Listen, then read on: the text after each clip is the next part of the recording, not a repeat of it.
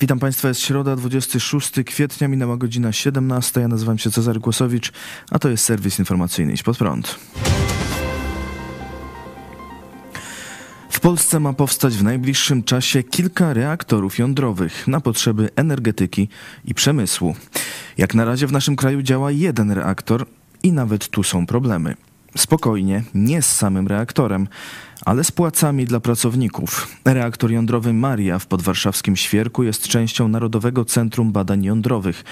Produkowane są w nim radioizotopy bardzo potrzebne w medycynie, innymi w diagnozowaniu chorób serca, układu krwionośnego i kości, a także chorób nowotworowych czy w terapii nadczynności tarczycy. Reaktor Maria dostarcza produkty do kilkudziesięciu szpitali w Polsce. Przy jego obsłudze pracuje około 100 osób, ale niedługo mogą odejść z powodu niskich płac i bardzo trudno będzie ich zastąpić. Jak donosi RMFFM, obecnie specjaliści zarabiają maksymalnie 4800 zł brutto, czyli niewiele ponad 3,5 tysiąca na rękę. Starszy specjalista może zarobić maksymalnie 5200 zł brutto. Na tym stanowisku pracują kierownicy zmian i kierownicy działów. Pracownicy jasno deklarują, że jeżeli płace nie wzrosną, to oni odejdą ze swoimi wysokimi kwalifikacjami i doświadczeniem. W firmach prywatnych mogą dostać pensje nawet pięciokrotnie wyższe. Jeden z pracowników powiedział dziennikarzom RMF: Niektórzy jeszcze nie odeszli, bo czują odpowiedzialność za pracę, za to, że dostarczamy lekarstwa dla potrzebujących do terapii i diagnostyki. Ale ile tak można? Niektórzy będą po prostu odchodzić. W zeszłym roku odeszło pięć osób, w tym może być podobnie. Drugi pracownik zwraca uwagę, że nadzorującym w nadzorującym reaktor urzędzie Państwowej Agencji Atomistyki w zeszłym roku pracownicy dostali 30% podwyżki. Do sprawy odniósł się kierownik Biura Komunikacji i Promocji Narodowego Centrum Badań Jądrowych Marek Pawłowski. Pytany przez RMF, czy planowane są podwyżki, powiedział, że trwają rozmowy z pracownikami i prawdopodobnie w najbliższych miesiącach będzie waloryzacja wynagrodzeń, ale jak podkreślił, Wysokość wynagrodzeń nie będzie jednak zgodna z oczekiwaniami pracowników, czyli nie zostanie zrównana ze średnimi wynagrodzeniami w aglomeracji warszawskiej z uwzględnieniem branży wykształcenia i stanowisk. Bez zwiększenia wsparcia z budżetu Instytut nie będzie miał takich środków. Wiemy też, że aktualne wynagrodzenia nie są adekwatne do wynagrodzeń oferowanych w Warszawie osobom o podobnym wykształceniu i ze znacznie mniej odpowiedzialną pracą. A co na to Ministerstwo Zdrowia? Wiceminister Maciej Miłkowski stwierdził, nie zabraknie radiofarmaceutyków dla polskich pacjentów, możemy je sprowadzać z zagranicy.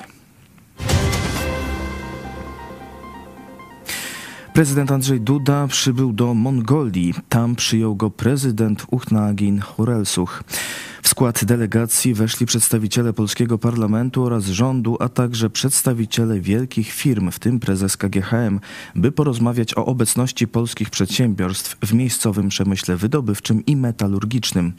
Mongolia posiada bogate złoża miedzi, molibdenu oraz fosforytów. Podczas wizyty w Mongolii prezydent oficjalnie otworzył ambasadę Rzeczypospolitej Polskiej w Ulaanbaatar. Podpisano umowy dotyczące współpracy w obszarach geologii, weterynarii, archiwistyki oraz o międzynarodowych przewozach drogowych, a także o współpracy między Uniwersytetem Warszawskim a Mongolską Akademią Nauk. Premier Mateusz Morawiecki spotkał się wczoraj w Warszawie z premier Estonii Kają Kallas. Spotkanie dotyczyło kwestii bezpieczeństwa w regionie. Rozmawialiśmy o wszystkich kluczowych tematach związanych z Ukrainą, związanych z NATO, związanych z Unią Europejską. I cieszę się, że mamy w Estonii takiego przyjaciela, kraj, który nie tylko jest podobnie myślący, ale mogę powiedzieć tak samo identycznie myślący o tych wszystkich sprawach. To niezwykle ważne, bo żyjemy w czasach przełomowych, czasach, które mogą wyznaczyć sytuację na najbliższe dekady. Liczymy także na naszych sojuszników z NATO, ale chcemy też, żeby oni mogli na nas liczyć. I dlatego nasze wspólne działania, przykład solidarności pomiędzy Polską a Estonią jest tutaj kluczowy. Premier Mateusz Morawiecki zapowiedział, że w tym roku polski przemysł zbrojeniowy rozpocznie dostawy zestawów przeciwlotniczych Piorun dla Estonii. Premier Estonii zaznaczyła, że chce także rozwoju współpracy w innych dziedzinach. Na pewno dużo więcej łączy nasze państwa. Bycie, e, połączenie z przyjaciółmi ma znaczenie. My jesteśmy połączeni z Europą przez Polskę i chcemy poprawiać e, te relacje i połączenia. E, transport kolejowy, mobilność, telekomunikacja i tak dalej. Jednocześnie chcemy wzmocnić relacje w usługach cyfrowych i rozwiązaniach cyfrowych. I zainteresowanie estońskich firm robieniem interesów tutaj jest coraz większe. Widzimy tutaj bardzo duży potencjał w zakresie transportu, logistyki, cyberbezpieczeństwa, inteligentnych miast oraz opieki zdrowotnej. Polak skazany na Białorusi. Sąd w Grodnie skazał polskiego obywatela Jerzego Żywalewskiego na 4 lata więzienia za rzekomą działalność szpiegowską. O sprawie informuje Centrum Obrony Praw Człowieka Wiasna. Proces został utajniony, nie znamy jego przebiegu. Według działaczy Wiasny Żywalewski został 22 marca skazany na 4 lata więzienia. Polak pochodzi z Podlasia, jego żona jest Białorusinką. Prezydent Ukrainy Wołodymyr Zełenski rozmawiał dziś po raz pierwszy od wybuchu wojny z przywódcą komunistycznych Chin Xi Jinpingiem. Prezydenci odbyli blisko godzinną rozmowę telefoniczną.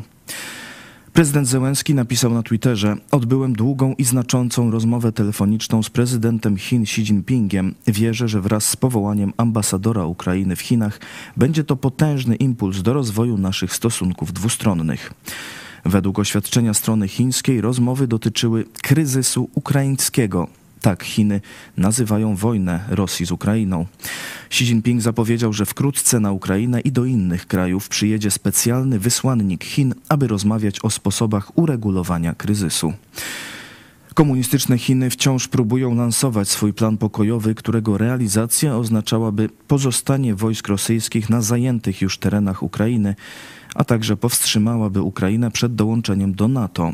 Plan komunistycznych Chin najwyraźniej ma wsparcie prezydenta Francji Emmanuela Macrona, który niedawno odbył wizytę w Pekinie.